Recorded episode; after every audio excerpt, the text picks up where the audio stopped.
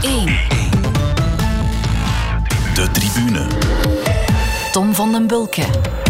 Van harte welkom en fijn dat je luistert naar deze extra aflevering van de Tribune. Geheel opgehangen aan de start van de Ronde van Frankrijk. En zeg nu zelf, wat is er leuker dan voorbeschouwen op en speculeren over de grootste wielerwedstrijd ter wereld? Het wordt nog leuker, denk ik, als we dat gaan doen met drie fijne gasten. Goedemiddag, Michel Wuits, José de Kouwer en Thijs Sonneveld. Goedemiddag. Goedemiddag. Michel en José, ik eh, begin even bij jullie. Jullie hebben beslist om de Tour dit jaar vanuit Brussel te volgen. We weten waarom natuurlijk, maar dat wordt toch een heel andere beleving, denk ik, dan al die voorbije jaren. We gaan vooral elkaar hebben. eh, om wat op te jutten. En eh, om vooraf een eh, korte voorbespiegeling te maken voor iedere etappe. Dus we gaan geen invloed hebben van Christophe van der Goor van de radio. Dus ook geen invloed van Sven Nijs, die ook wel zijn idee heeft over bepaalde dingen.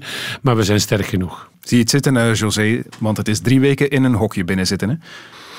Ja, dat is niet anders dan anders. Hè. Ik Ja, bedoel, dat wel. eh, Maar goed, je mist wel de beleving rond natuurlijk. Hè? Ja, je mist een deel Dat is van wat de anders. beleving. Ja. Daar wil ik onmiddellijk eh, op inpikken. Dat is niet waar. Dat is nauwelijks waar. Ik denk dat we vorig jaar over die 21 etappes een keer of vier, vijf zicht hadden op de aankomst. En dat is de enige plaats waar je de renners ziet. Ja. Aankomst te boven, vergeet dat. Dan zit je in het dal. We zijn er niet eens boos om, want dan zijn we ook snel in het hotel. En ehm, vergeet niet dat de commentatoren de minst belangrijke van alle mensen in de Tour zijn. We zaten ook bij vlakke etappes vaak voor de streep. Wat zie je dan van de aankomst? Ja. Wil je dan zeggen dat hij de komende jaren ook gewoon in Brussel blijft? Zelfs als het Nee, weer nee, mag? nee, nee, nee. Normale tijden wil ik daar nog wel bij zijn. Want je wil die kameraadschap onderling met vier in de auto, dat wil je niet missen. Nee. Thijs, jij bent eh, verslaggever voor het Algemeen Dagblad. Hoe wil jij of ga jij de Ronde van Frankrijk volgen? Ehm, we gaan er in principe wel naartoe. Eh, met een eh, ploeg, eh, nou ja, deels voor, de, voor de krant en deels voor video en audio. Maar dat gaan we wel doen op een hele andere manier dan normaal. We nemen onze eigen mobiele studio mee, waardoor we niet afhankelijk zijn van perszaal en allemaal dat soort dingen. Eh, en we gaan daar ook eh, ja, eh, onszelf vaker testen. Op het moment dat iets niet meer verantwoord is, of we denken dat het niet meer verantwoord is, dan trekken wij ook de stekker eruit. Oké. En, en je volgt de Tour. Hoe dat is? Is het met een camper of elke avond op hotel toch? Ja, nou ja, ik denk dat je niet heel veel keuze hebt. Eh, je zou inderdaad met campers, het, je zou het kunnen doen met campers. Ik heb dat in het verleden wel eens gedaan. Ehm, maar eh, zeker als je de hele dag eh, allerlei dingen moet opnemen, wordt dat toch best lastig. Dus dat hebben we uiteindelijk niet gedaan. Maar ehm, ja, we zitten bijvoorbeeld bij de start, ja, dat is nu in Nederland aangemerkt als code oranje, Nice en, en omliggende regio. Dus we gaan bijvoorbeeld proberen eh, eh, voor een groot deel eh, de equipe niet bij de start te laten zijn. Om maar uit die code oranje te blijven. Maar ehm, het wordt volgens mij wel echt een heksenklus om het te volgen. Ja, absoluut. We krijgen een heel speciale editie van de Ronde van Frankrijk. Met een verlaten start dus op 29 augustus en met een heel aparte voorbereiding. Daarover zometeen veel meer, maar zullen we eerst nog eens terugkeren naar de tijd toen alles nog normaal was. Dit was de Tour van 2019. De allergrootste His Highness, Eddie Merckx.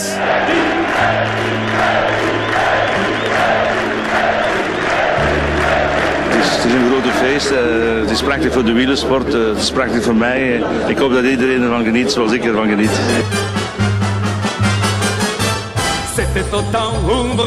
Ja, ik, eh, ik probeer mij een weg te banen, maar het staat rijen en rijen dik. Ik kan me nog wel eens een, stoer, een uh, tour-etappestart in Antwerpen herinneren. Dat was ook echt knotsgek. Maar dit is ja, nog eens een keer of tien eh, meer. Dit is enorm veel volk.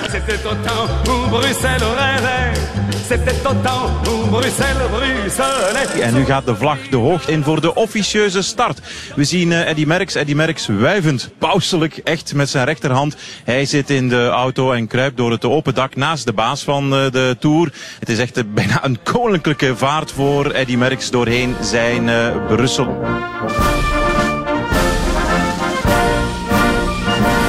Greg van Avermaat heeft de wedstrijd gekleurd in de beginfase, laten we zeggen in het volle eerste uur. Om dan met verven als eerste boven te komen op de muur van Gerardsbergen. Het is echt blij, geloof mij. Hier komen ze om de bocht, nog eh, 150 meter. Matthews, maar het is Sagan. Sagan door het midden, Sagan door het midden. Sagan met de grote plateau. stil. Is het uh, Colbrelli? Het is Sagan op Matthews, het is Sagan. En hier komt, jawel, het is van, het is uh, Mike Teunissen. Het is Mike Teunissen. Ja, heel apart, want dat is natuurlijk helemaal niet gepland. Maar ja, wel heel leuk. Hier de laatste rechte lijn van 200 meter met uh, Kruiswijk erbij. Met uh, Wout van Aert, met Laurens Plus aan de leiding. Ze gaan die tijd verpulveren, meer dan 20 seconden. Nu nog 23, 22, 21, top 20 seconden. Winnen zij deze ploegentijdrit, de vuisten gaan in de lucht. En daar zit je dan als team Ineos een hele namiddag in die hot seats. Het zijn uh, vermalendijde klapstoeltjes, och Garme. En dan moet je opzouten. In de eerste, de beste etappe die voor hem neergelegd is, pakt hij de volle puit. Ala Philippe. Jamman. Ja. Indrukwekkend. Eerst ben ik zeer blij dat, uh, dat ik die bergtrui heb, maar een beetje jammer dat ik op de laatste klim plat val. Dan zou ik kunnen meegaan met Alaphilippe. Ik had nooit geklopt, maar dan had ik het een beetje uh, meer glans aan uh, mijn rit kunnen geven. Dylan Teuns tegen Ciccone. Een Belg en Vlaming tegen een Italiaan in de laatste 100 meter. Terwijl Bardet bij de klassementsmannen eraf moet. En hier gaat uh, Dylan Teuns, winnen. Teuns wint. Teuns heeft uh, Ciccone eraf gegooid. De Belgische ritoverwinning. Op La Plage Belfi. Dylan Teuns uit Halen-Loksbergen. Ik zag hem breken en toen wist ik, ja, nu mag ik niet meer terug op mijn zaal gaan zitten. Nu moet ik blijven rechtstaan. En je mag één keer raden wie in de vlucht van de dag zit. Jawel, Thomas de Gent. Welke bijnaam moet je deze man eigenlijk geven? Wat hij al gedaan heeft in, in zijn carrière. Ja, hoeveel kracht kan een mens eigenlijk hebben in, in die benen? Geweldig wat hij uit zijn benen kan stampen. Nog 100 meter, het is bijna binnen. En de andere twee gaan er niet aan te pas komen. Overleefd. Gooi, geniet ervan Thomas de Gent. Laat het kippenvel handen over je hele lichaam komen. Kom aan, geniet dadelijk. Die twee handen in de lucht. Ho, ho, Thomas de Gent wint op zaterdag, dames en heren. Na vijf uur, hij slaat de handen voor zijn baard. En hij gelooft het niet. Jawel, Thomas de Gent wint deze etappe in Saint-Etienne, net zoals in de Dauphiné. Ik zou de stelvuur nog durven opeenzetten, maar dit is toch wel uh, een heel strafnummer van mezelf. Nu komt de sprintopgang met nog altijd de volledige trein voor Michael Matthews. Aan de rechterkant komt uh, Christophe. Christophe met de Matteo Trentin. Met Ewan door het midden. Van Aert door het midden. Waar is Van Aert? Van Aert tegen Viviani. Van Aert tegen Viviani. Van Aert tegen Viviani. Viviani aan de linkerkant. Viviani of Van Aert. Van Aert. Viviani of Van, van Aert. Oh, het is Van Aert die wint. Wout Van Aert wint. De massasprint van 45 man in Albi. Wout, fantastisch. Fuck. Ik doe dit man. Oh. Ja, hallo kroket.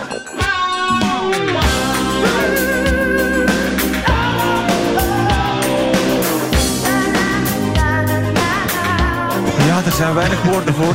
We doen iedere dag opnieuw weer mee voor winst. En we halen het ook nog heel dikwijls aan het eind van het verhaal. Wie van de drie gaat het halen? Is het op dit ogenblik Ewan door het midden komt? Caleb Caleb Ewan! Of is het Groenewegen? Oh, dat is close. En Ewan steekt de handen in de lucht. Viviani tegen Caleb. Viviani tegen Caleb Ewan. En hier komt Caleb of Groenewegen. Het is Ewan die uh, weer de handen in de lucht steekt. Met een laatste jump. Herman, opnieuw feest bij Lotto Soudal. Het is weer gelukt. Ja, het is weer gelukt. Ja. We hebben een, een grandioze tour. Hadden we dat voorspeld uh, in Brussel, dan hadden we misschien gelachen. Maar uh, het komt gewoon uit. De derde overwinning is binnen.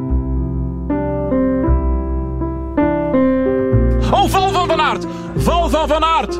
Val van Van Aert. Oh, hij ligt tegen de grond. Dit is niet zijn dag. Val van Wout van Aert in een bocht naar rechts. Op een zebrapad. Klak onderuit. Oh, hij pakt gewoon die bocht aan de rechterkant te fel in de spandoeken tegen de nadaarhekken. Gaat hij tegen een reclamedoek van uh, een groot warenhuis en hij blijft liggen. Oh, drama. Drama voor Wout van Aert in de Ronde van Frankrijk. Dit wens je niemand toe. Drama. Ik heb die bocht sowieso te kort ingestuurd. Dus, uh, dus ja, dat ik val is voor mijn eigen schuld. Maar dat ik me op die manier bezeer is natuurlijk uh, ja, wel een gevolg van, uh, van het hekwerk, denk ik. Dus ja, de teleurstelling sportief dat ik in, uit deze toer stap op deze manier is, is best wel groot. Julien Alaphilippe, de zoon van een orkestleider. En hij kan zelf ook een heel aardig stukje drummen. En hier drumt hij op de concurrentie.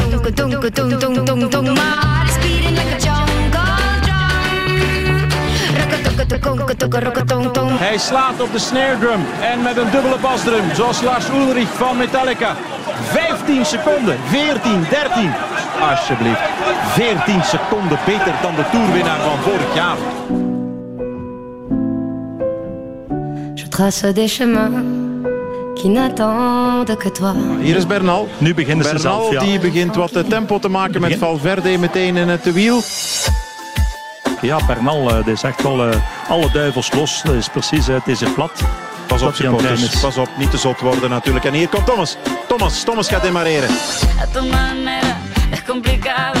En una bici que te lleve a todos lados. Quintana gaat binnenkomen, wint de etappe. Hij wint in zijn carrière een eh, derde Alpe, een derde bergetappe al in zijn carrière. En daar is daar een smile zo waar te zien. In de Ronde van Frankrijk wordt de tweede zware Alpenrit gereden. De renners zijn onderweg naar Tignes. Christophe van der Goor, de vijfde in de stand, Thibaut Pinot, heeft zo net opgegeven. Het was eh, met echt pijn in het hart, met tranen. Hij gaf nog een omhelzing aan een helper, een ploegmaat die naast hem kwam rijden. Wij stonden ernaast aan de andere kant van de weg. Het was aandoenlijk inderdaad. Eh, William Bonnet was zijn eh, ploegmaat. Die legde nog een arm om zijn schouder en eh, wat, sprak wat troostende woorden. En toen stapte hij van de fiets en inderdaad in tranen, in tranen en snikkend. Het was een, eh, ja, een, een, een, ja, een moment wat je eigenlijk niet wil zien. En Bernal die sluit nu aan. En Landa die demareert nu ook van achter de rug van Alaphilippe. Alaphilippe die eh, gaat hij nog een eh, tweede leven kunnen vinden of niet? Dat is op dit ogenblik de vraag. Dit is koers, Frank. Ja, dat is eh, koers op het hoogste niveau. Hè. Absolute beginners David Bowie ligt Egan Bernal op dit moment de basis voor zijn eerste tourzege. Wie zal het zeggen? In elk geval voorzichtig naar beneden, jongen. Christophe en Frank. Amai. Het is echt onwaarschijnlijk hoe ze hier naar beneden vlammen van die uh, Iseron met geweldig hoge snelheden. De situatie bovenop de top. 1. Egan Bernal. Oh la la, kijk, kijk, kijk, kijk, we krijgen nu beelden van die afdaling in een uh, tunnel met uh, hagel op de weg, met auto's die daar uh, staan. Dat lijkt een zeer gevaarlijke situatie. Okay. Prudhomme die zegt nu dat de etappe wordt gestopt. De etappe wordt gestopt en de tijden worden genomen op de top van de Iseron. Dit is historisch. Uh, ik ken niet de hele geschiedenis van de meer dan 100-jarige Ronde van Frankrijk, maar dit is onverantwoord. En er wordt gevraagd om aan jullie renners te zeggen, nu dat de race wordt gestopt. Ring, are you listening? In the lane, snow is glistening. Hallo Karel, zit je nog recht? Karel, voorzichtig man. Klinkt als niet. Ja, ik wilde dit. Ik wilde dit. Nee, nee.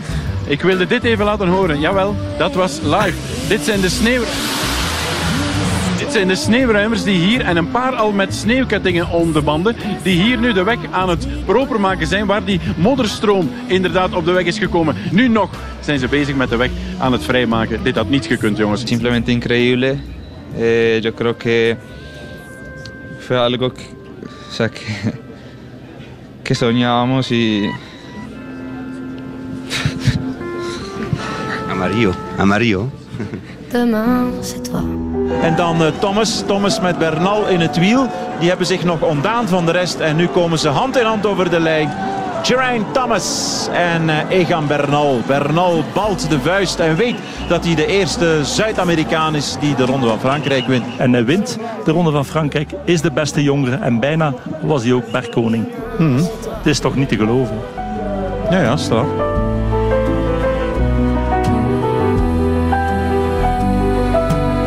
Dat was hem, de Tour van 2019, Michel. Een uh, Grand Cru-editie, vanuit het Belgisch oogpunt gezien? Um, ja, met uh, etappezegers vanuit uh, verschillende hoeken, vanuit onverwachte hoeken, op een schitterende manier. Degene kon je verwachten, maar op zo'n manier. Ik krijg nog altijd een huivering over mezelf van, van die spankracht. Van Aert die een massasprint won. God, fantastisch. Uh, Teunsberg op, de planche de Belleville. Maar uiteindelijk was de, de, de grootste acteur van heel die ronde van Frankrijk, in mij nog Alaphilippe, die heeft ervoor gezorgd dat de uitzendingen die verschrikkelijk lang zijn, dat die heel, heel rap voorbij waren. Ja, het zijn namen die straks uh, allemaal gaan uh, terugkeren, ongetwijfeld in ons uh, gesprek. We gaan het erover hebben nu, over die Tour van 2020. De tribune. Radio 1. En laten we dan maar beginnen bij de ploeg die vorig jaar de winnaar afleverde. Team Ineos met Egan Bernal, die straks aan de start staat met een team zonder Chris Froome en zonder Grant Thomas. Dit is teammanager David Brailsford daarover. What we're very excited about actually is that we're going to get Egan and Richard to target yellow, go after the, the yellow jersey once again. Then we're going to take Geraint and focus Geraint, um, give him the opportunity. Geraint's been second in the tour, he's been first in the tour the year before. This guy needs a big chance, he needs a big platform. So we decided to give Geraint the opportunity of focusing and going for the Giro, which leaves the Welter. Everybody must admire Chris's return to racing. Uh, it's just unbelievable what he's achieved. Um, and he's come back with grit and determination. But I think he needs just a little bit more, just a little bit longer to get up to the highest level. And he's a champion. Chris Froome's one of the legends of the sport. And he deserves the opportunity to go into a Grand Tour as a leader as well. Ja, José, stel dat jij David uh, Brailsford was. Had je hetzelfde gedaan? Dezelfde keuzes gemaakt? Het is in ieder geval heel mooi gebracht.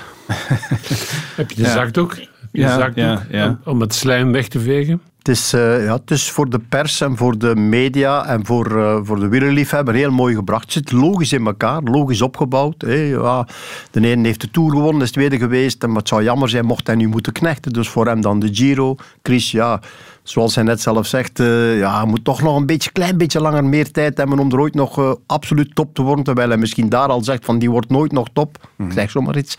Ehm, en op die manier is het spel gespeeld. Het is eigenlijk het op die manier zeggen om niet te hoeven te zeggen dat ze gewoon niet goed genoeg zijn. Ja, het lijkt de evidentie eh, aan zich dat hij in extremis Carapaz oproept. Maar dat is natuurlijk een noodgreep. Hè? Carapaz was ingesteld op de Giro.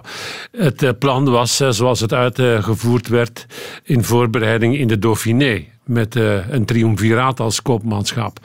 En eh, die twee anderen leken dan plots niet goed genoeg. En dat kwam niet in orde. Waarom kwam dat niet in orde? Omdat die Tour van meet af aan zeer lastig is. Je krijgt geen inrijperiode van tien dagen, zoals dat eh, vaak het geval is. Dus ze konden zich niet permitteren met, met zoals José dat vaak zegt, met twee halve gasten aan de start te komen. Dus eh, kwam er in extremis een verandering. Carapaz Carapaz was niet overdonderend in de ronde van Lombardije. Is gevallen in de ronde van Polen. Heeft de slotetappe niet meegedaan. Ik wil het nog maar zien, hè, tweede koopman. Dan zou ik nu al denken van, doe me dan maar Sivakov voor die rol. Wat denk jij, Thijs? Ja, ik denk dat, het, eh, dat Michel gelijk heeft dat het een enorme noodgreep is. Dit, dit filmpje, dat is gewoon gelul. Eh, je hebt uh, Geraint Thomas ook gezien, die moest op social media gaan reageren waarom hij zo graag de Giro wil rijden. Nou ja, daar schept hij echt aan zijn gezicht af dat het eh, totaal niet zijn eigen keuze was. Ehm, ja, volgens mij zijn die renners in de Dauphiné en ook in de Tour de Lens wel echt behoorlijk doorheen gezakt. Ik vind van Froome echt al een wonder dat hij überhaupt weer op het niveau terug is dat hij kan koersen gezien zijn eh, verwondingen van vorig jaar eh, toen hij viel in de, bij de verkenning van een tijdrit in de Dauphiné. Eh, maar die was gewoon echt niet goed genoeg. Maar ik, zag ook wel dat er, en dat hoor je ook wel eh, ehm, in de, nou ja, op Radio Peloton, zeg maar, dat er wel ook wel heel erg wordt getwijfeld aan ehm, of Froome en Thomas wel bereid zijn om zich echt helemaal weg te cijferen voor het team. Je was, eh, ook in de Dauphiné was er op een gegeven moment een etappe waarin Froome wat, wat beter leek te rijden. Eh, en waar hij zich in het, in het treintje voor Bernal neerzette. En waar hij eigenlijk gewoon moest uitsturen op het moment dat volgens mij Kwiatkowski en nog drie mannen voor hem reden. Ehm, ja, zonder eigenlijk werk te hebben gedaan voor de ploeg. En als je je niet goed voelt, eh, ja, dan word je wel geacht om dat te zeggen. En dan word je geacht om eh, je rol eerder te pakken.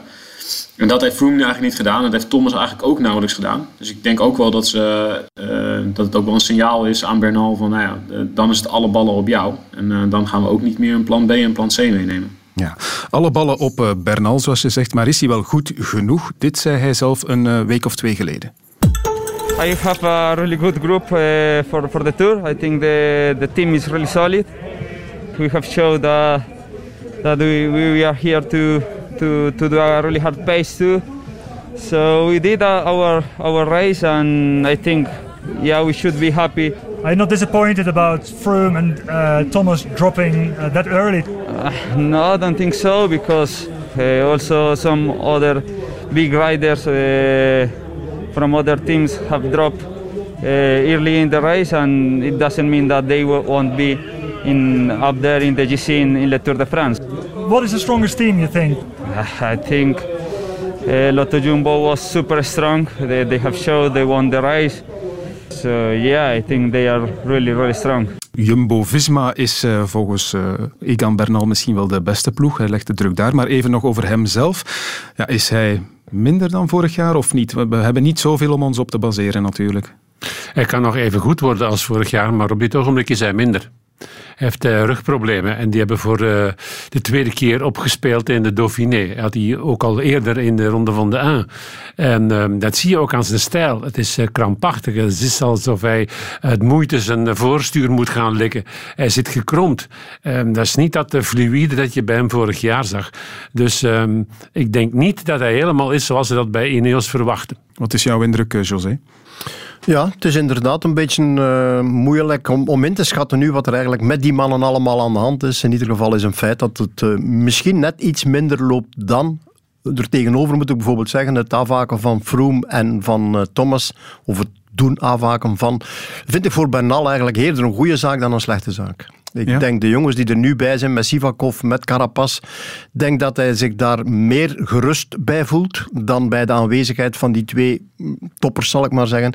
Waar hij als jongere toch nog altijd een klein beetje, een klein beetje ja, eh, eerder last mee heeft dan, eh, dan dat hij daar vrolijk mee bijloopt, wetende dat die mannen, zoals Thijs net zei, toch nooit echt zullen knechten. Vroom is een vicieuze manneke. Hè? Een Vroom weet je eigenlijk nooit wat je eraan hebt. Denk maar aan de toerzege van Thomas. Die werd vrijwel alleen bestookt door Vroom. Dumoulin ook, maar vooral door Vroom. Hè? Terwijl hij in het geel reed, werd hij een paar keer aangevallen. Toch wel fragrant door Vroom. Dus men is daar eigenlijk onder druk van Vroom tot een paar dagen van het einde blijven spelen op twee fronten. En dat draag je toch wel mee. Dat niet vol betrouwbaar zijn. En die rugproblemen natuurlijk, zoals je zei, Michel eh, van Egan Bernal, dat is ook nog wel een elementje. Die vraag is ook voorgelegd aan Dylan van Baarle, een van zijn ploegmaats. En ook, ehm, ja, hoe zit het nu met die rol van Team Ineos? Underdog in de Tour of niet? Ja, misschien gaan we niet als de topfavoriet eh, aan de Tour beginnen. Maar we hebben uiteindelijk nog steeds de, de winnaar van vorig jaar eh, in het team zitten. Dus eh, ja, we gaan met dezelfde instelling eh, naar de Tour als, eh, als vorig jaar. Tot slot, Bernal had last van zijn rug. Hè? Is dat allemaal nu in orde of eh, is dat nog een vraagteken ook? Nou, voor zover ik weet eh, is, is dat eh, in orde. Ehm, uiteindelijk eh, is hij geselecteerd. Dus ik ga ervan uit dat hij eh, 100% fit dan aan de Tour begint. Maar Team Ineos misschien niet de grote favoriet straks aan de start van de Tour, Thijs. Ja, hoe moeten we dat dan zien? Want dat zit misschien wel in het DNA van die ploeg om, om altijd eh, de boel in handen te nemen. Dat gaat dan nu anders zijn, of, of wat denk jij? Ehm, nou ja, ik denk eh, sowieso dat er iets mis is gegaan eh, bij de, in de voorbereiding bij Ineos. Je ziet dat nou ja, zowel Froome is niet goed, nee, daar kun je nog eh, wijzen op, op, op zijn val van vorig jaar. Dat Thomas niet goed is, is volgens mij ja, echt een enorme tegenvaller. Maar ook Bernal is inderdaad, zoals Michel ook zegt, niet, niet 100%. En ze hebben hem al redelijk vroeg eh, in augustus laten koersen. En iedereen heeft het nu de hele tijd over de vorm van Roglic. En of is die niet te vroeg in vorm en allemaal dat soort dingen. En als je kijkt naar wat Bernal, eh, die bijna alles deelt op Strava, wat die allemaal eh, getraind heeft de afgelopen maanden en hoe vroeg die al best wel goed was in de Tour de- of de Route d'Occitanie moet ik zeggen, eh, dan was hij eigenlijk nog eerder al goed in vorm eh, dan Roglic. En er lijkt het er meer op dat hij de, af- de- de afgelopen weken en zeker in de Dauphiné eh, eh, minder werd in plaats van beter. Dus ja, ik moet het echt nog wel zien. En vorig jaar was het een, een tour die Bernal ook echt wel een stukje beter lag. Waar eh, we heel vaak boven de 2000 meter gingen. Dat is dit jaar ook een stuk minder. Dus eh, ja, ik denk dat Ineos zeker niet de favoriet is. Maar ik ben heel benieuwd of ze anders kunnen koersen dan, eh, dan dat ze gewend zijn. Want ze rijden altijd gewoon volgens hetzelfde stramien. Gewoon zo hard mogelijk op kop en zo lang mogelijk. En dan hebben ze de beste renner en de beste ploeg. En daarmee winnen ze. En dit jaar eh, starten ze eigenlijk niet met de beste ploeg. En ook niet met eh, op papier de beste renner. Dus Ja. dat gaat wel een hele andere manier zijn van koersen. Voilà, het is wat ik zei, hè, Michel, dat zit in hun DNA. Hè? Ja, ze hebben daar ook, eh, als ik het goed heb, zes toeren mee gewonnen. Hè? Ja. Met eh Wiggins en eh Froome en Bernal reken ik nu zelf weer voor mezelf. En dan Thomas er ook nog eens bij. Ehm, God, er zijn er dan zeven zeker. Enfin, zwart veel. Ehm, vraag is, hebben ze een ander plan? Hebben ze een plan B? Eh, kunnen ze eh, de verantwoordelijkheid volledig overlaten aan Jumbo-Visma? Gaan die dan uh, die verantwoordelijkheid dragen? Ik denk van wel.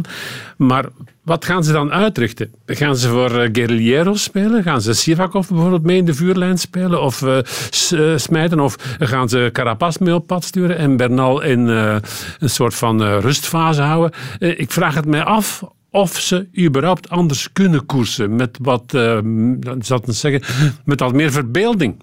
José, Thijs zei, er moet iets mis geweest zijn met de voorbereiding van team Ineos. Is dat dan niet verbazend of verrassend? Want zijn zij niet de meesters in het pieken?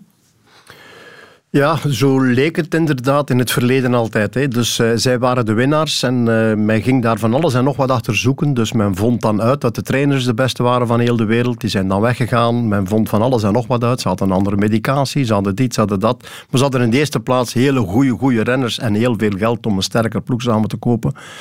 Uh, nu zal het vooral afhangen van de creativiteit. Heel belangrijk, heel belangrijk in wielrennen. Dat was een beetje weg als je natuurlijk de beste trein kan opzetten en geef maar gas en rijd iedereen maar uh, voor gort, om het uit te drukken.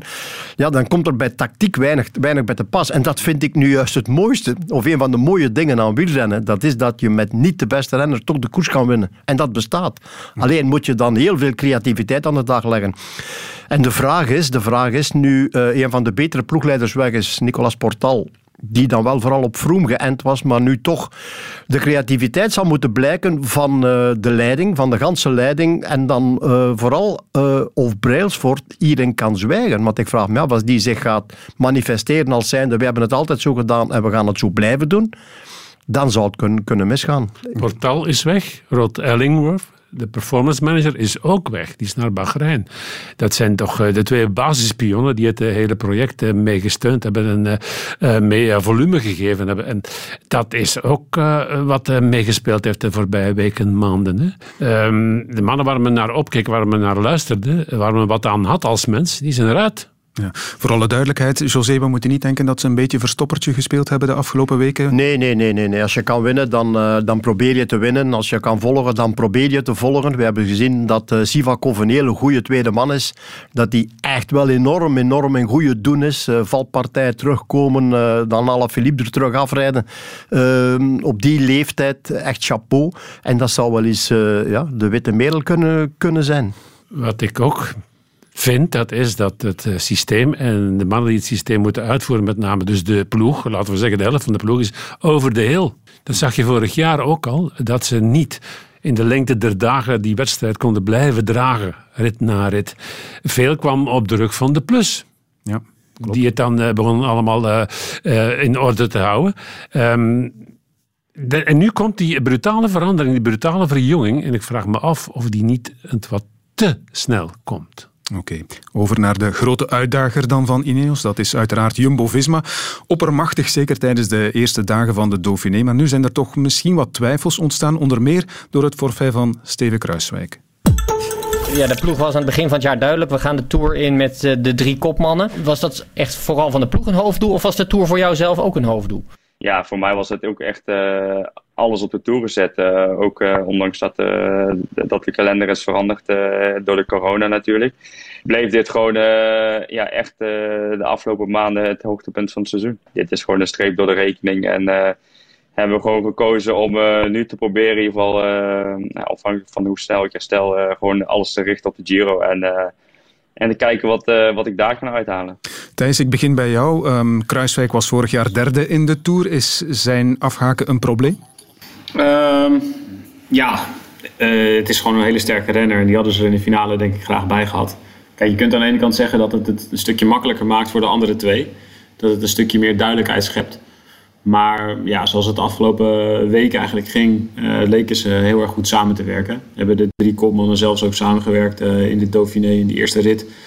Om uh, Van Aert de sprint te kunnen laten winnen. Mm-hmm. Dus het leek er in ieder geval sterk op dat ze onderling het in ieder geval goed hadden afgesproken. Al moet je natuurlijk altijd afwachten hoe dat is in de laatste week van de Tour. Als er mensen moeten worden opgeofferd. Um, maar ja, ik denk wel uh, dat het een probleem is. Ik denk ook dat het, uh, de keuze uh, om Dumoulin wel of niet op te offeren voor Roglic, of misschien andersom, maar dat is iets minder waarschijnlijk, mm-hmm. naar voren haalt. En dat is eigenlijk een keuze die ze bij Jumbo zo lang mogelijk willen uitstellen. Ze willen eigenlijk Dumoulin zo lang mogelijk laten meeliften en hoog in het klassement laten blijven. En zonder Kruiswijk ja, zijn er gewoon, is er gewoon één optie minder in de finale. Ja, ik terwijl je wel het gevoel hebt dat, dat hij misschien de, de eerste is die zich had moeten opofferen. Hè? Als je hem naast uh, Dumoulin ja, en Roglic papier, hè? Ja. Op papier. We hebben het wel over de nummer drie van vorig jaar. Mm -hmm. Maar ja, het is, voor Kruiswijk was het denk ik wel het, het, het meest uh, uh, gecompliceerd geweest om de Tour te winnen. Ik denk dat Roglic en Dumoulin allebei net één of twee wapens meer hebben om concurrentie mee knock-out te slaan. Ja, ik vind... eh, ja, alle respect voor Kruiswijk. Hele goede renner. Maar vorig jaar heeft hij in de Tour geen trap gegeven. Het was vooral de plus die hem eh, daar gehouden heeft. Want dat was een paar keer serieus in de problemen zelfs. Voor mij, staat, voor mij persoonlijk hè, staat Kruiswijk zeker niet op de hoogte van Dumoulin en Roglic. Absoluut niet. Hij was ook in de Dauphiné. is ook degene die het minste ooit aan het werk geweest is. Ik heb die nooit iets zien doen in functie van de ploeg. Dus ik had het nog maar willen zien. En als men dan spreekt over drie kopmannen, ja, maar zeker geen drie gelijkwaardige kopmannen. Michel, eh, Roglic was, mogen we wel zeggen, denk ik, de uitgesproken favoriet voor de Ronde van Frankrijk. Maar hij valt dan. Moeten we nu een beetje gaan twijfelen aan zijn status of niet? Mevrouw Roglic heeft op eh, de Sloveense televisie gezegd dat ze er niet zeker van is dat er een man aan de start gaat komen in Nis. Dus is er toch wel een eh, manifest probleem. Ehm, mijn eh, ervaring zegt dat vrouwen in het wielrennen het minst liegen van allemaal. of het snelst met, eh, met een eh, valabele uitleg naar voren komen. Dus ook daar is een probleem. Maar wat José zegt is de nagel op de kop. En wat eh, Thijs zei ook. Je stelt de rol van Dumoulin zo lang mogelijk uit om naar voren te treden. En ik was ervan overtuigd, ook al zegt men naar buitenwereld toe dat eh, eh, Kruiswijk de derde man is, die zou evolueren naar een soort van superknecht naarmate de Tour vorderde. En daar had je dan misschien wel de beste helper aan die er überhaupt eh, te vinden is. Mhm. Thijs, bij wie leg jij nu de grootste kansen? Bij Roglic of toch eerder Dumoulin? Ja, ja, in principe bij Roglic, maar dat is wel een beetje afhankelijk van hoe hij zich voelt. Als, als mevrouw Roglic echt gelijk heeft dat het echt nog een vraag is of hij aan de start eh, verschijnt. Ja, dat, is, dat zou dan echt wel iets van de afgelopen dagen zijn. Hij werd in principe in de Dauphiné in de laatste etappe uit koers gehaald, uit voorzorg. En niet omdat er een eh, probleem was waarvan ze toen verwachten dat het een probleem voor de Tour zou zijn. Maar ja, als je ziet hoe hard Roglic eh, de afgelopen weken reed... En met wat voor gemak hij eh, de Tour de Lens en eh, nou ja, de Dauphiné bijna won. eh, ja, dan vrees ik wel echt voor de rest. Zeker omdat het in de Tour eigenlijk vanaf, vanaf etappe 1 eh, volle bak is. En ja, er is op dit moment, en afgelopen jaar eigenlijk ook niet... er is geen renner beter in de wereld in, in, in koersen van een week. En als je de Tour ziet in de eerste week... dan, ja, dan was het wel zeer waarschijnlijk geweest dat Roglic... Dan is het nog steeds zeer waarschijnlijk dat Roglic eh, er het beste voor staat na een week. En dan met deze ploeg, eh, deze helpers en Dumoulin eh, eventueel ook nog op, achterhand in steun. Dan wordt het wel heel lastig om, Dumo- om eh, Roglic eh, vervolgens nog uit die trui te gaan rijden. Dus ik vind hem wel de grote favoriet. ja. Ja, in elk geval van eh, drie kopmannen naar twee kopmannen. Dat maakt het eh, tactisch misschien al iets eenvoudiger. Over de tactiek gesproken, die eh, Jumbo-Visma gebruikt heeft of gehanteerd heeft tijdens de Dauphiné, daar had Dumoulin wel wat bedenkingen bij. Nou ja, we zijn hier natuurlijk nu bezig met de Dauphiné te winnen. En op zich maakt het dan, eh, eh, was het gisteren prima. Alleen het is ook een goede test en een goed leermoment richting Tour. Van wat gebeurt er nou als eh, Stevie en, en, eh, en ik op kop moeten rijden, omdat de groep nog maar klein is en wij, en wij zijn de enigen die dan kunnen rijden. Kijk, in de Tour heb je hopelijk George Bennett en ook Sepp Koes die, die dat eerder eh, zullen doen dan wij. Maar goed, ook dan kunnen we in een situatie komen dat het een keer wel moet. En hoe pakken we dat dan aan en hoe, hoe zorgen we er nou voor dat we dan de boel onder controle houden zonder, en, en zelf ook weinig tijd verliezen. Want in principe willen we ons met z'n drieën zo lang mogelijk in het klassement houden. En met een tactiek zoals gisteren gaat dat niet lukken. Want eh, wij verliezen elke, elk meer dan een minuut. En dan zijn we ook niet in topvorm. Dat, dat, dat is ook eh, zeker zo. Maar eh, ja, dat is niet de bedoeling in de Tour dat wij, dat wij na twee weken op, op vier minuten staan. Omdat we een Zou aantal keer moeten? zoiets hebben gedaan. Ja, bijvoorbeeld gisteren, de, de ontsnapping, of ging toch al winnen. Die gingen we toch niet meer terughalen. Dus waarom rijden we dan niet iets, iets langzamer, zeg maar? Dat, dat hadden we achteraf misschien beter kunnen doen. Maar eh, ja, dat, eh, dat is dus waar, waar we hier ook voor zijn, om, om, om daarvan te leren. En, eh, en je weet ook niet hoe het was gegaan als we wel langzamer hadden gereden. Misschien waren ze dan gaan aanvallen. En, dus het is niet per se gezegd dat het dan beter of anders was gegaan. Maar ja, het zijn gewoon dingen waar we het wel over moeten hebben. Ja, lees José, hij wil vooral niet op kop moeten rijden voor eh, Roglic, denk ik. Hij moet zich dan ook wel ja, misschien goed genoeg voelen met de idee inderdaad van ik kan die Tour gerust wel winnen. Wel, ik wil hier de vraag stellen aan iedereen die meeluistert. Van, ehm, stel, een hele goede Dumoulin en een hele goede Roglic. Wie is de beste? Ja, pas. Uh, Michel? Ja? Ehm, als ik naar hem luister, dan word ik stil. En dan denk ik, wat een klasse vent. Wat een doorzicht. En wat een intelligentie. En dat zijn toch drie elementen die van eh, doorslaggevende aard zijn om de Tour te winnen. Doe me dan maar deze jongen. Thijs? Uh, ik denk dat Roglic uh, uh, op Dumoulin voor heeft dat hij wat explosiever is. Dus dat hij ook zeker in zo'n eerste week makkelijker een etappe wint. Of makkelijker in de, in de laatste kilometer weg kan rijden of nog eens kan versnellen. En ik denk dat Dumoulin op papier de betere tijdrijder is. Dus dat met een hele lange tijdrit, met een lang oplopend stuk voor de Planche Belfi in de laatste week, heeft Dumoulin daar wel een voordeel aan. En ik denk dat Dumoulin er wel echt meer ervaring in heeft. En dat hij, uh, dat heel goed weet wat hij aan het doen is. En dat als hij denkt dat hij de Tour kan winnen, dan gaat hij wel het maximale eruit halen. En als hij ergens het gevoel heeft, het zit er niet in, dan gaat het voor Roglic zijn. Ik zit met het gevoel dat Dumoulin op een dag dwars door de slag gaat rijden. De interne slag binnen de ploeg. Op avontuur zal gaan. En lak zal hebben aan afspraken. Heb ik zo het gevoel. Het is langs de andere kant ook moeilijk in de wagen of als management om voor twee heren te dienen. Dat is bijna onmogelijk. Het is eigenlijk makkelijker om voor één kopman te werken dan voor twee kopmannen. Want het is heel, heel moeilijk. Er zullen altijd, vooral in deze Tour, met zoveel valkuilen, altijd momenten komen waarvan je moet denken, ja, wat moeten we nu doen? Ja. De ene is achterop geraakt door een valpartij of door een lekke band. Moeten we wachten? Moeten we niet wachten? Moeten we rijden?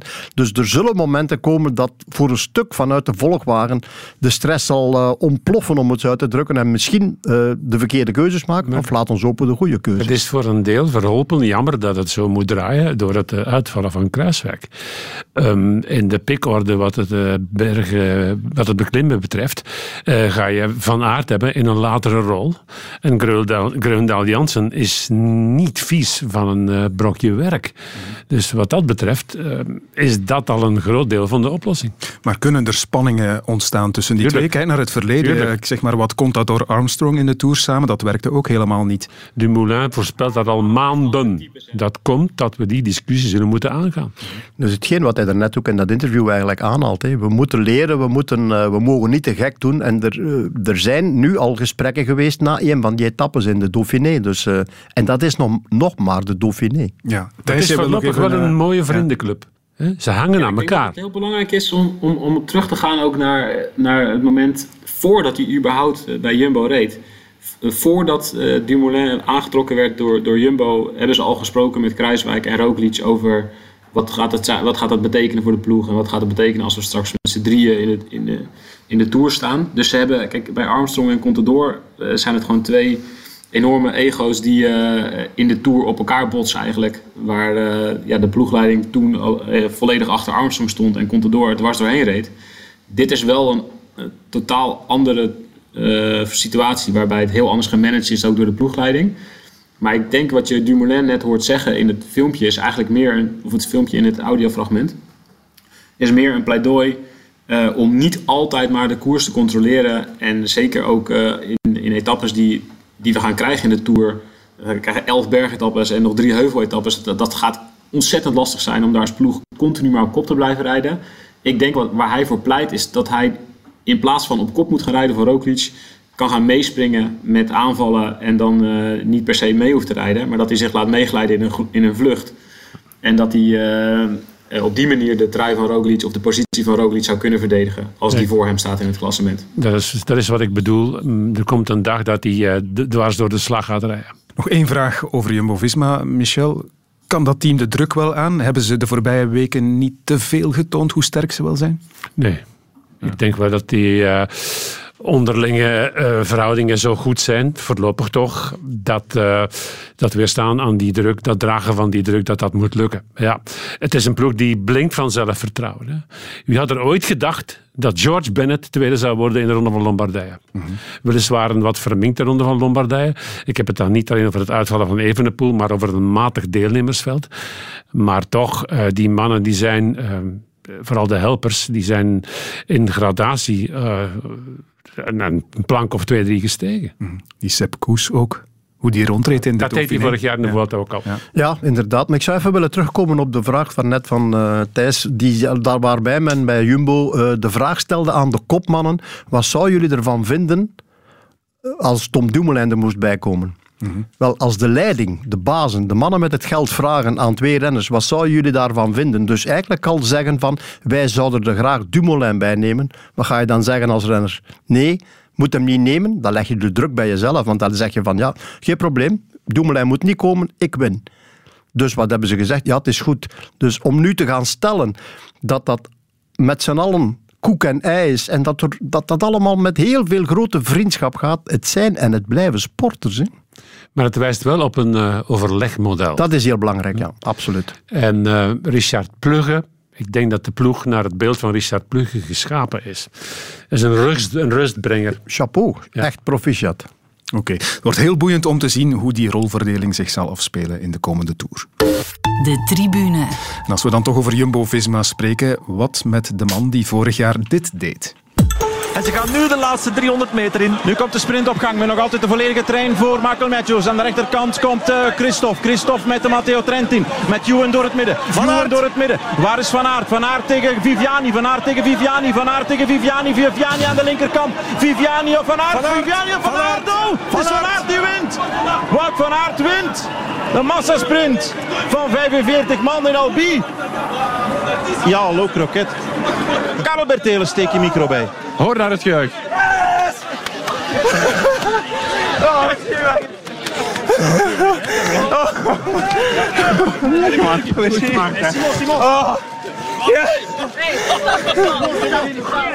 Schitterend moment uit de Tour van vorig jaar. José, ik steek jou nog eens in de rol van eh, ploegleider. Welke rol moet Wout van Aert krijgen in deze Tour? Ja, zoals Michel er net al zei, uh, Grundaal is er nu bijgekomen. Die kan uh, een deel van dat eerste werk opknappen. Ik zou toch proberen. Kijk, het is natuurlijk heel moeilijk, want je zit daar met die kandidaat-winnaars en daar staat of er valt alles mee. Maar er, zijn, er zullen ook dagen zijn als men Dumoulin een klein beetje volgt in zijn idee van uh, we gaan het proberen rustig aan doen en niet altijd de koers te dragen. Want er zijn ook nog wel andere ploegen die mee in het stramien willen en werken voor Jumbo als ze al aan de leiding zouden staan om zelf een etappe te winnen. Ja, dan is misschien de mogelijkheid voor Van Aert daar om, uh, om op kousenvoeten uh, toch mee te doen voor die, voor die overwinningen die er zeker kunnen voor hem. Dus om van Van Aert nu echt een knecht, knecht te maken en die volledig te laten opsoeperen, dat zou ik zeker niet doen. Overwinningen en misschien, uh, Michel, ook een uitgelezen kans voor die groene trui. Dat zou ik niet durven zeggen. Ik denk dat dat van het goede te veel wordt als je ook daar nog eens uh, moet mee bezig zijn. Als je ook daar nog moet uh, uh, aan het rekenen gaan.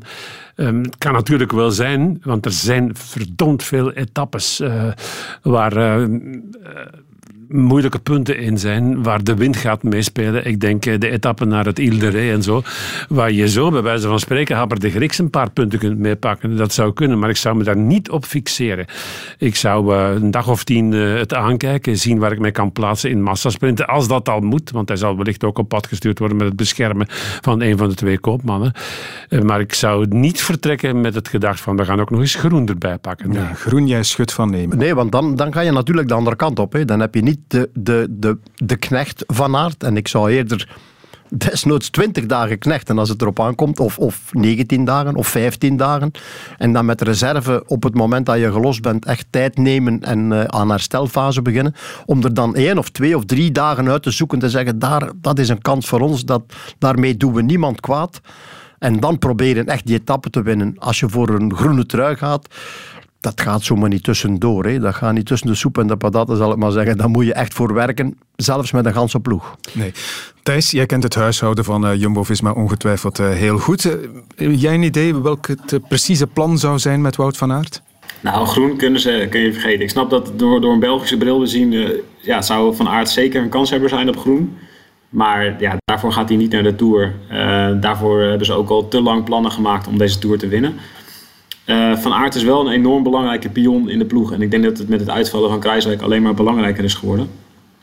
Ze hebben in de laatste etappe van de Dauphiné hebben ze eigenlijk een soort van test gedaan.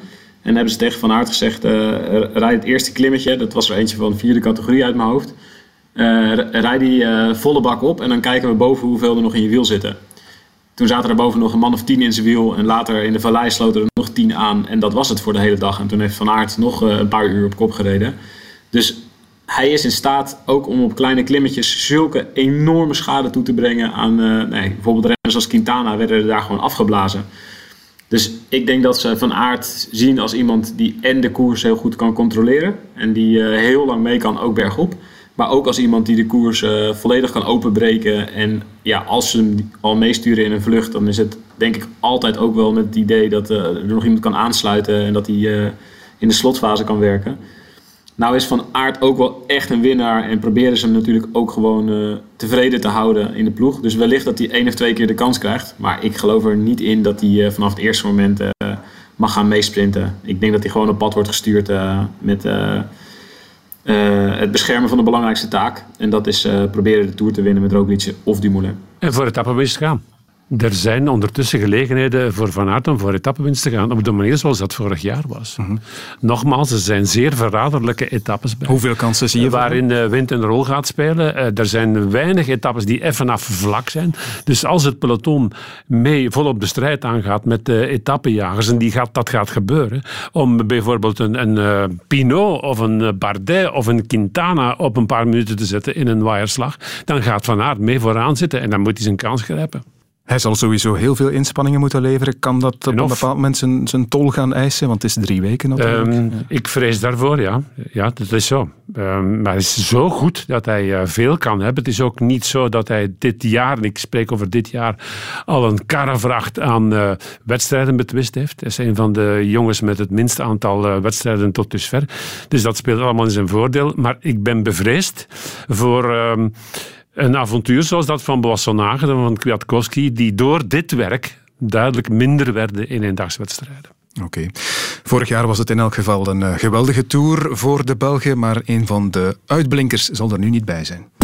Dylan Teuns tegen Ciccone. Een Belg en Vlaming tegen een Italiaan in de laatste 100 meter. Terwijl Bardet bij de klassementsmannen eraf moet. En hier gaat uh, Dylan Teuns gaat winnen. Teuns wint. Deuns heeft uh, Ciccone eraf gegooid. De Belgische ritoverwinning op La Plage Belfi. Dylan Teuns uit Halen-Loksbergen wint deze etappe op La Plage de Belfi. Hij trekt, hij sleurt, hij springt naar boven en hij volgt Thomas de Gent op. Zijn grootste overwinning en hij begint nu al van nee te schudden. Hij komt nu stijl, hij valt net niet om, maar hij wint. Dylan Teuns lacht en wint een etappe in de Ronde van Frankrijk. Heeft nog net de kracht en de energie om de twee handen in de lucht te gooien, maar wordt dan vooruitgeduwd, want anders zou hij gewoon zijwaarts neervallen op dit steile stuk.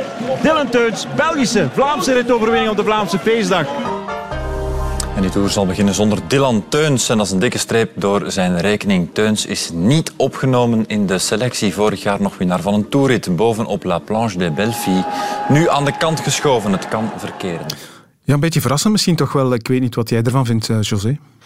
Wel, ik vind het te meer verrassend omdat hij zelf zegt, kijk, ja, mijn waarden, mijn waarden waren goed, alles leek erop, eh, oké, er waren een beetje problemen, fysieke rugproblemen, ook blijkbaar op een of andere manier, Eh, maar mijn waarden waren goed. Dan snap ik het eigenlijk niet, dat men, als dat inderdaad allemaal zo is, dan snap ik niet dat men in een team waar dan eh, ja, de performance manager is binnengehaald vanuit eh, Team Sky, Ineos, eh, dat die dan op dat moment mee, niet meegaat in het verhaal van Teuns, oftewel kloppen, klopt het verhaal van Teuns niet. Oftewel is er iets raar aan de hand dat men dat soort type renner eh, thuis laat. Kopman eh, bij die ploeg is Landa.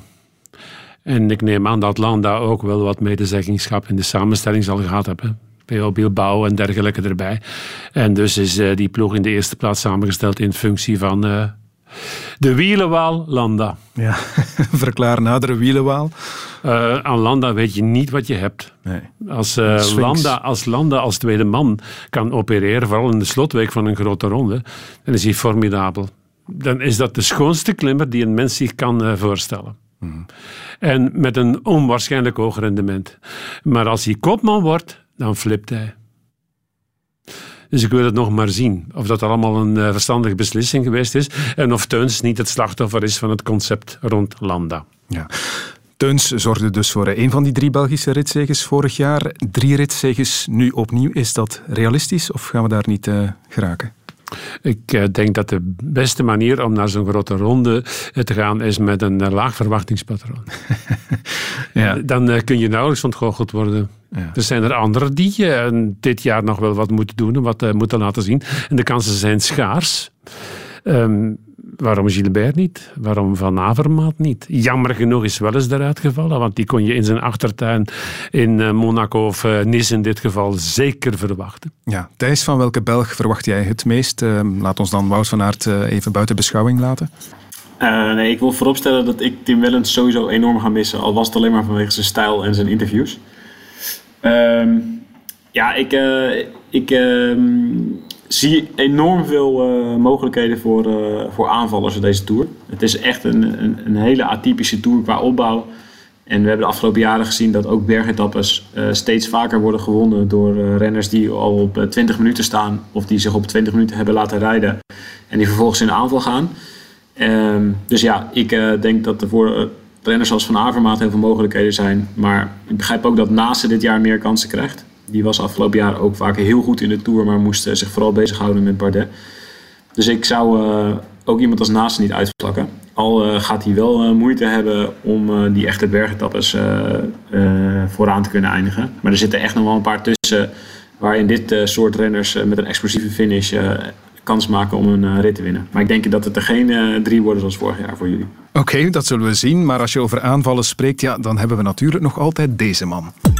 Thomas de Gent komt eraan. Nog eh, 300 meter. Thibaut Pinot en Alaphilippe die proberen alles te doen om die vriend nog bij te halen. de man uit Semmerzaken in de buurt van Gaveren is hij bijna aan het zicht van de streep. Thomas de Gent na vijf uur koersen gaat hij een tweede Belgische ritoverwinning behalen. Hij toch wel de hele dag de baroudeur. Geweldig wat hij uit zijn benen kan eh, stampen. Nog 100 meter, het is bijna binnen. En de andere twee gaan er niet aan te pas komen. Overleeft. Gooi, geniet ervan Thomas de Gent. Laat het kippenvel Handen over in je hele lichaam komen. Kom aan, geniet dadelijk. Die twee handen in de lucht. Ho, ho, Thomas de Gent wint op zaterdag, dames en heren. Na vijf uur, hij slaat de handen voor zijn baard.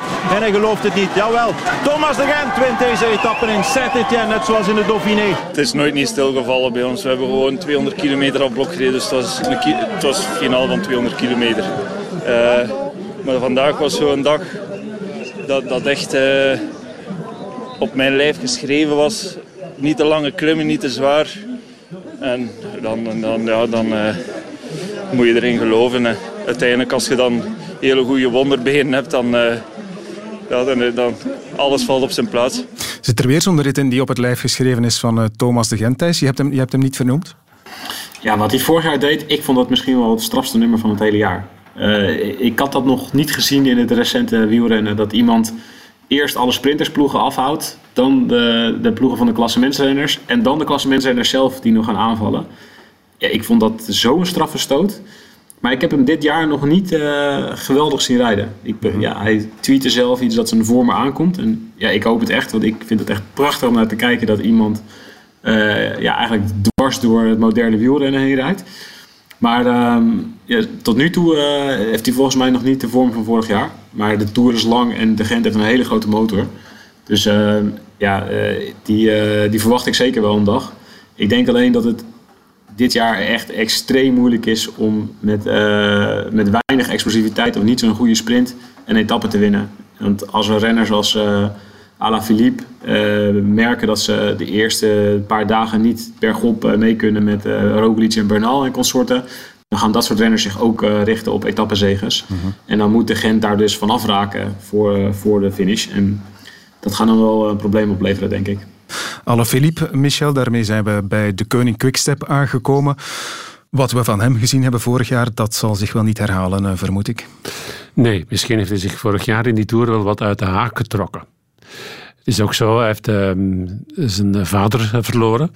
Ehm, dat heeft allemaal wel een rol gespeeld. Hè. Je ziet ook dat zijn basis niet perfect geweest is. eh, dat zijn uitschieters ook, eh, dat die er wel zijn, maar dat die dan eh, daarin net tekort komt. Denk aan Milan Sanremo. Je zag dat ook recent in de Dauphiné, die weliswaar niet op zijn maat gemaakt was. Alhoewel, vorig jaar de Tour. Dat was dan blijkbaar wel op zijn maat. Maar ik denk niet dat hij op een niveau zal komen zoals hij dat vorig jaar haalde. Maar je mag hem op een dag wel verwachten. Misschien als eh gelegenheidscompaan van de Gent. hè. Ja, waarom niet? En wat met eh, Lotto Soudal? José, ehm, Tim Welles kwijt dus al. Wat moet er van die ploeg, of wat mag er van verwacht worden? Eh Ewan, Ewan, Ewan, denk ik. ja. Eh, daar zal het op neerkomen. Met Thomas de Gent, uiteraard. Eh, bij de Gent, ik, ondanks alles gezien, die hele zware eerste week die er zit aan te komen, een slijtageslag dat de Tour toch wel zal zijn, de nervositeit waarmee men zal koersen van, ja, je weet maar nooit wat er in deze Tour allemaal nog gebeurt, zie ik nog wel een goede de Gent dan. Hè. Als er een goede de Gent is, zie ik nog wel mogelijkheden, absoluut. Dus dat moet zeker kunnen. Alaphilippe heb ik zondag bezig gezien in het voorbije Cup van Frankrijk. Rijdt daar weg op 3,5 kilometer van het eind. En het is Demar die er terug naartoe rijdt met uh, Kokar in het spoor. En dan gewoon in de sprint gewoon geklopt worden. Demar van ver op kop. Ja, formidabele Demar. Heel formidabele Demar. En uh, Alaphilippe op... Uh, nee, zeker niet de Alaphilippe die we voor, vorig jaar gezien hebben. Wat de Gent betreft, ik zou Saran opschrijven, 12e rit. En Lyon, 14e rit. Dat is genoteerd. Heel benieuwd. Vanwege niet te steile beklimmingen. Wel doenbaar voor hem. De tribune. Rit 12 en rit 14 zijn genoteerd voor uh, Thomas de Gent. Maar het zou wat het algemeen klassement betreft wel eens een uh, open tour kunnen worden. En zijn we zeker ook benieuwd naar de schaduwfavorieten. Zoals dit jonge talent bijvoorbeeld, Tadej Pogacar. Uh, yeah, on tour. Uh, it's my first tour, but uh, yeah, my goal is to to be uh, to be there and uh, to be really good. I mean, uh, I hope my shape will be and for podium, for sure I will fight for it. But yeah, it's really hard, really tough this year. But yeah, now is new generation coming and I think many many young riders so good. Yeah. Het was vorig jaar al een beetje zo. Wordt het inderdaad opnieuw de tour van de jeugd? En kan iemand als Pogacar inderdaad meedoen voor het podium? Denk meedoen voor het podium is misschien... Dat zou kunnen, ja. ja. Uh, zeg nooit, met, uh, zeg nooit, nooit met Pogacar. We hebben die vorig jaar vooral leren kennen in die laatste week van de Vuelta, wat super was. Die laatste, voorlaatste etappe zelfs. Heel sterk, heel sterk. Uh, ja, Pogacar is de toekomst. wanneer dat er echt zal uitkomen is de vraag, maar dat het er zal uitkomen, dat is zeker een feit, ja. Het is een kwestie van tijd. Alleen is het zo dat uh, dat volle contingent van de Tour toch wel een stuk zwaarder weegt dan uh, de tegenstand, uh, het contingent in de Vuelta. Dus zijn onwaarschijnlijk explosief vermogen bergop kon hij in de Vuelta makkelijk aanspreken. Je zag dat hij door het hoge tempo, het inleidende tempo naar de slotklim nu in de Dauphiné, dat hij toch al wat meer, wat sneller in last zat. En dat die sprinter bergop er aan het eind niet uitkwam. Dat zou in de Tour ook wel eens het geval kunnen zijn. Maar als hij als hij een goede dag heeft en hij kan meegaan um, in een uh, vlucht. En er is een aankomst boven, Montegal bijvoorbeeld, in uh, het Centraal Massief. Dan gaat er haar op staan. Ja. Thijs, wat denk jij? Um, kan iemand als Pogacar of een andere jongeman die we nu nog niet genoemd hebben, inderdaad uh, mee de strijd aangaan met mannen als Bernal, als uh, Dumoulin en Roglic? Uh, nou, voor mij zijn Bernal, Dumoulin en Roglic wel echt staan met kop en schouders boven de anderen uit qua, qua favorieten ik vind Pogacar een fantastische renner. En ik denk dat hij uh, vorig jaar inderdaad heeft laten zien in de derde week van de Vuelta... dat hij ook de inhoud heeft om, om de komende jaren heel, heel, heel ver te gaan uh, in de Tour. Um, maar ik denk dat het dit jaar echt nog uh, te snel is om, voor hem om echt mee te doen om de Tourzegen. Wellicht om een podiumplek. Ik denk wel dat zeker die laatste week in de tour, tour zal heel gek zijn... omdat je allerlei gekke omwentelingen krijgt. Omdat de renners die in het begin van de Tour goed zijn. Helemaal niet per se de renners uh, hoeven te zijn die in de laatste week van de Tour goed zijn. Maar ja, ik vond de laatste rit in de Dauphiné ontzettend tekenend uh, voor, voor de andere kopmannen en de andere ploegen. Op het moment dat Jumbo of Ineos de koers niet controleert, is het echt één grote chaos. Mm -hmm. En ik denk dat Pino best oké okay is. Maar ik denk dat hij wel geschrokken is ook van het feit dat zijn ploeg de wedstrijd totaal niet kan controleren. Ja, ik denk wel dat er genoeg andere renners zijn die, uh, die uh, lang zullen kunnen blijven volgen. En wiens kopmannen echt wel mee gaan doen om podiumplekken. Maar volgens mij uh, van tevoren in ieder geval halen ze het niet bij die drie favorieten die ik net noemde. Ja, laat het ons inderdaad even hebben, Michel, over die andere outsiders. Je hebt het al gesproken over Mikel Landa. Pinot, wat denk je daarvan? Want hij, hij, maakte best wel een goede indruk, denk ik, in de Dauphiné. Als hij uh, drie volle weken kan uh, beleven uh, zonder terugval, het zij mentaal, het zij lichamelijk, dan wel. Mm -hmm. Dan moet hij op het podium kunnen mikken. En dat zou voor hem al een triomf zijn. Maar ik zie hem de Tour niet winnen. We kunnen er nog noemen, hè. Bardet, daar zullen we maar geen rekening mee houden, zeker voor het podium, of wel? Goh ja, Het is, je staat daar inderdaad met, met drie kopmannen of drie klassementsmannen nu. Uh, er gaan er geen drie zijn, er gaan er twee zijn. Bij Jumbo gaat er op een bepaald moment eentje wegvallen doordat er iemand vooraan staat. Dus Dumoulin en Roglic gaan volgens mij niet samen op het podium staan. Dus er zal één van de twee op een of andere manier ja, het zij wegvallen of het zij een keuze moeten maken. Men gaat zeker iets moeten doen.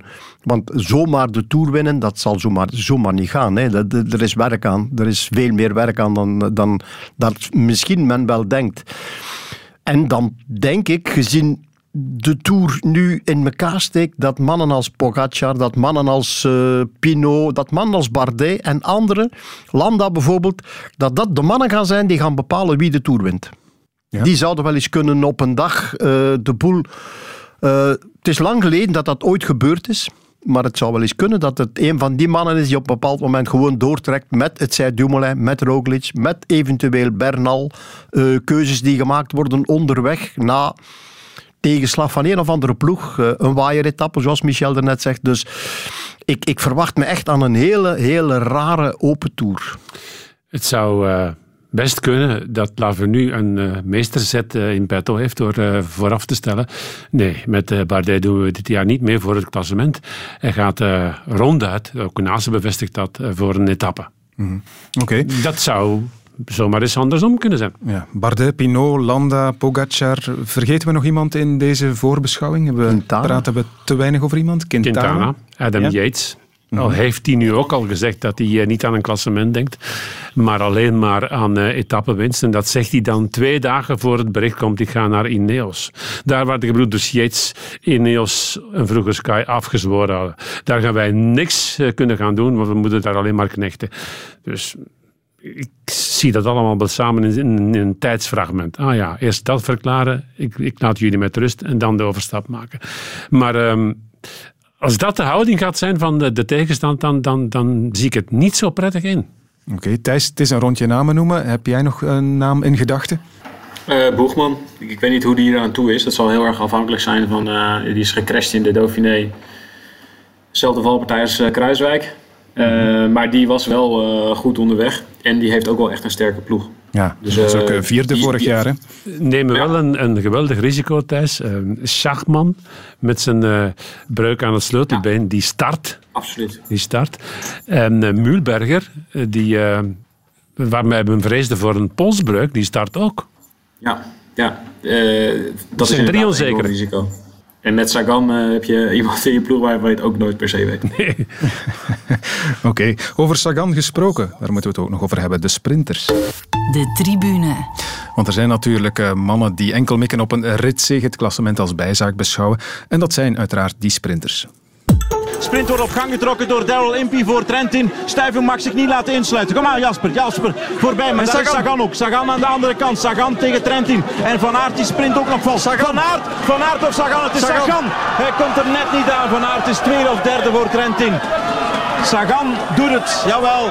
Ook dit is uit de Tour van vorig jaar. Peter Sagan won uh, toen een rit, maar onze indruk, denk ik, Michel, over hem is toch nog altijd dezelfde als die van een hele tijd geleden. Al ondertussen, hij, hij imponeert niet, hij straalt het niet uit ook. Een uh, vorm van uh, lethargie. Een beetje een uh, gezwollen vorm. Um, blijkbaar ongeïnteresseerd. Ik hoop dat dat verandert. Ik hoop dat hij het niet helemaal gehad heeft met de koers. Ik weet dat men nu boos is eh, bij Bora Hansgrohe. Als wij op antenne zeggen, bijvoorbeeld in de Omloop het wat ik nu zeg, eh, dan, ehm, dan ontstaat er tamboer op de bus. En dan uh, klinkt daar zoiets van, ja, moeten we die jongens dan niet ondertussen een embargo opleggen? Maar ik kan me toch niet van de indruk ontdoen dat Sagan nu al een goed anderhalf jaar met zichzelf worstelt. Als Van Aert inderdaad niet op die groene trui moet mikken, José, of eraan denken, is Sagan dan toch nog ja, nummer één voor groen? Als hij er inderdaad vol voor gaat, ja, en dan misschien zelfs zonder ritwinst, zoals dat in het verleden nog wel gebeurd is met sommigen, maar het zou dan atypisch zijn voor, hem, voor uh, Sagan. Maar misschien is, dat, misschien is dat nog de enige doelstelling. Hè. Nog maar eens die groene trui, want, want inderdaad, zoals Michel zegt, ja, het druipt er niet echt vanaf. De koersvreugde, de interviews, alles is een beetje te veel aan het worden. Dus uh, ja, kijken wie er ja, op het eind, op het eind helemaal, helemaal met het meeste punten staat. De snelste is hij zeker niet. maar wel degene die misschien, als we spreken over een goede Sagan, want ook dat weten we niet. Oké, we hebben hem gezien in een paar koersen, maar ook daar niet echt. eh, En die nonchalance die er is, dan heb je nog het idee, speelt hij nu mee of, of, of is het echt tot, tot aan het gaatje gaan? Is het echt zo diep gaan dat hij niet beter kan? Ja, het is zo moeilijk, het is mysterieus, eh, ik weet het niet. Is voor mij nog altijd de eerste kandidaat groen hoor. Ja. Sam Bennett, moeten we die ook eh, meerekenen van de Koning Quickstep? Eh, ja, ja, voor een aantal etappes, dat wel. Een stuk of twee, denk ik zo hardop. Maar ehm, wat ook uh, Ewan overkwam in Milan Sanremo, overkwam ook Bennett, dat was toch zo rap dat die mannen afhaakten. Ja, die kunnen alle twee een sprint rijden, sorry, en alle twee een sprint rijden die bergop gaat, maar bergop rijden kunnen ze niet. Mhm. Thijs, je hebt het parcours uiteraard ook grondig bestudeerd. Hoeveel kansen zijn er eigenlijk voor, voor de sprinters in deze Tour? Eh, vier echte. En dan nog eh, drie als, eh, als het meezit en als de ontsnapping niet te sterk is. En de, ploegen sterk genoeg, de ploegen sterk genoeg zijn om er een massasprint van te maken. Maar zoveel pure sprinters zijn er niet. Ik denk dat Ewan en Bennett de snelste zijn. Maar die gaan, dat gaan ook renners zijn die bergop relatief snel in de problemen komen. Dus ja, het zou heel goed kunnen dat Sagan inderdaad door veel tussensprintpunten te verzamelen toch weer aan groen eh, geraakt. Maar ehm, eh, de sprinters gaan niet, eh niet bijster veel kansen krijgen. Ja, het is ook precies de reden, dit parcours is ook precies de reden waarom jongens als Groenewegen überhaupt al kozen om de Giro te rijden. Als die die nog mag rijden. Maar ehm, eh, dat gaat wel een heel andere, eh, een andere situatie zijn dan in andere jaren. De snelste mannen zijn hier niet, hè? Groenewegen, Jacobsen, die zijn hier niet. Dat zijn intrinsiek de snelste, samen met Ewan. En nog een opmerking. We halen nu met het sprinterschild niet meer het niveau van dat drieluik Cavendish, Kittel, Grijpel. Dat halen we niet. Er was misschien één sprinter die er momenteel wel een beetje bovenuit steekt. Dat is eh, Arnaud Dimar, maar ja, die gaat Start niet. Start niet. Is dat dan een vreemde beslissing? Die is al lang genomen, hè? Ja. En eh, ik vind het eigenlijk ook wel goed dat men, als men een beslissing neemt, dat men eh, zich aan die beslissing houdt. Het is ook al een paar keer uitgewezen dat als Demar in de Tour start, dat de druk op zijn schouders te zwaar doorweegt en dat hij eh, niet brengt wat je van hem verwacht. Al is hij nu wel ontzettend goed. Het zou misschien toch wel van moed getuigd hebben om hem er toch nog bij te pakken, maar dan moet je weer het concept van die ploeg helemaal gaan omgooien. De tribune. We hebben het nog niet gehad over de uitzonderlijke omstandigheden waarin eh, deze Tour gereden zal worden. Er is een heus coronaprotocol opgesteld. Dat is zeker niet onbesproken gebleven. De Tour in augustus. Het blijft toch wel even wennen. Hè? Maar om acht, over acht dagen gaat hij beginnen en helemaal coronaproof. Ja, dat? maatregelen moeten aangepast worden. Hè. Het publiek zou zich sowieso al moeten aanpassen, maar nu blijkt dat het ook bij de teams het geval is. Die hebben al een boekje gekregen van 18 pagina's, waarin alle richtlijnen, maatregelen, voorwaarden woord voor woord staan uitgelegd. 18 pagina's, regels dus, die eigenlijk samengevat kunnen worden als streng, zeer streng. Meest opvallende maatregel is de volgende. Als een team 2, al dan niet vermoedelijk, positieve gevallen telt in de ploeg of in de staf, dan moet het volledige team verplicht afdruipen. Je zal maar in het geel rijden op dat moment. En zo komt de druk te liggen bij de ploegdokters. Zij zijn verantwoordelijk voor tests, maar worden ook betaald door een ploeg die vooral tot in Parijs in de Tour wil blijven. Twee mensen uit één ploeg met ernstige symptomen en de Tour is voorbij. Wat die symptomen zijn, wordt uitgelegd in een puntensysteem. Koorts, hoest, kortademigheid zijn goed voor vier punten. Een verstopte neus, keelpijn, buitengewone vermoeidheid of pijntjes twee punten. Hoofdpijn, diarree of braken leveren dan weer één punt op. Wie zes of meer punten verzamelt, heeft ernstige symptomen. Thijs, zo hebben we er een eh, nieuw puntenklassement bij in de Tour ineens. ja. Vind je Ja, ervan? geloven jullie er iets in, geloven jullie er iets in dat ploegartsen dit allemaal op de juiste manier gaan naleven? Ik in, ik in ieder geval niet. Ik weet het niet. Ik leg het hier voor aan de andere mannen. Ehm, de eerste gedachte van een ploegarts is eh, protectionisme van het eigen eh rennerschild. Dus nee, ik geloof daar niet in. Nee, absoluut niet. Nee. José? Eh, nee, ik ben de laatste die erin gelooft, denk ik. Vooral als ik dan lees dat men spreekt over vermoeidheid. Pardon? Ronde van Frankrijk. Vermoeidheid. Dat zou misschien wel eens kunnen dat er iemand vermoeid is in de ploeg. Ja, ah, ik bedoel, nee. Dat had er al zeker niet mogen in staan. Er mag misschien veel in staan. Maar dat soort flauwekul mag daar absoluut niet in staan. Als, als kuchjes meetellen, dan gaan we op de eerste de beste aankomst boven Ossier Merlet. De helft van de, van de toerdeelnemers naar huis moeten sturen. Want die gaan allemaal kuchen. Een paar buitjes erover, een beetje verkoudheid erbij. Ja, voilà. Loopneus. Dit gaat toch Ja, sowieso voor discussie zorgen ook weer. Hè? Dat voel je zo. Nee, het is echt. eh, Dit is natuurlijk de wijte voor een deel aan de UCI. eh, die eh, eigenlijk gewoon heeft gezegd tegen de organisatoren en de renners, of de ploegen, tegen de organisatoren en de ploegen, zoek het lekker allemaal zelf uit. Dus ze hebben een lijvig document gemaakt, maar eigenlijk hadden ze dat kunnen afdoen met een paar regeltjes. Jullie, jullie zoeken alles uit, jullie betalen overal voor en jullie zorgen maar dat er een coronavrije bubbel wordt gebouwd. Iedereen heeft het elke keer over die bubbel. En eh, ja, dat is hartstikke leuk. Maar uiteindelijk blijft het gewoon een eh, sport die dwars door een heel land trekt met een hele grote karavaan. Waar je hotel in, hotel uit, eetzaal in, eetzaal uit, eh, tussen publiek door. Dus die bubbel, dat klinkt hartstikke leuk, maar die bestaat natuurlijk niet echt. En ik ben er wel van geschrokken dat er zo weinig duidelijk is over wat er nou gebeurt als er corona in die bubbel komt. Dus de regels die nu worden eh, eh, naar buiten zijn gebracht over één en twee besmettingen per ploeg. Ja, daar zitten al allerlei haken en ogen aan. Maar eh, wat gebeurt er als er nog meer besmettingen zijn in het peloton? Ja. En daar doen ze eigenlijk geen uitspraak over nu. UCI niet, ASO niet, omdat het een politieke beslissing is. Dus iets wat bij de Franse overheid ligt. En er wordt achter de schermen gesproken over wat gebeurt er met, met 3-plus beslissingen. En wanneer gaat de stekker uit de Tour? En ehm, ja, daar zijn heel veel ehm, ehm, managers en teambazen in het wielrennen wel heel erg beducht voor.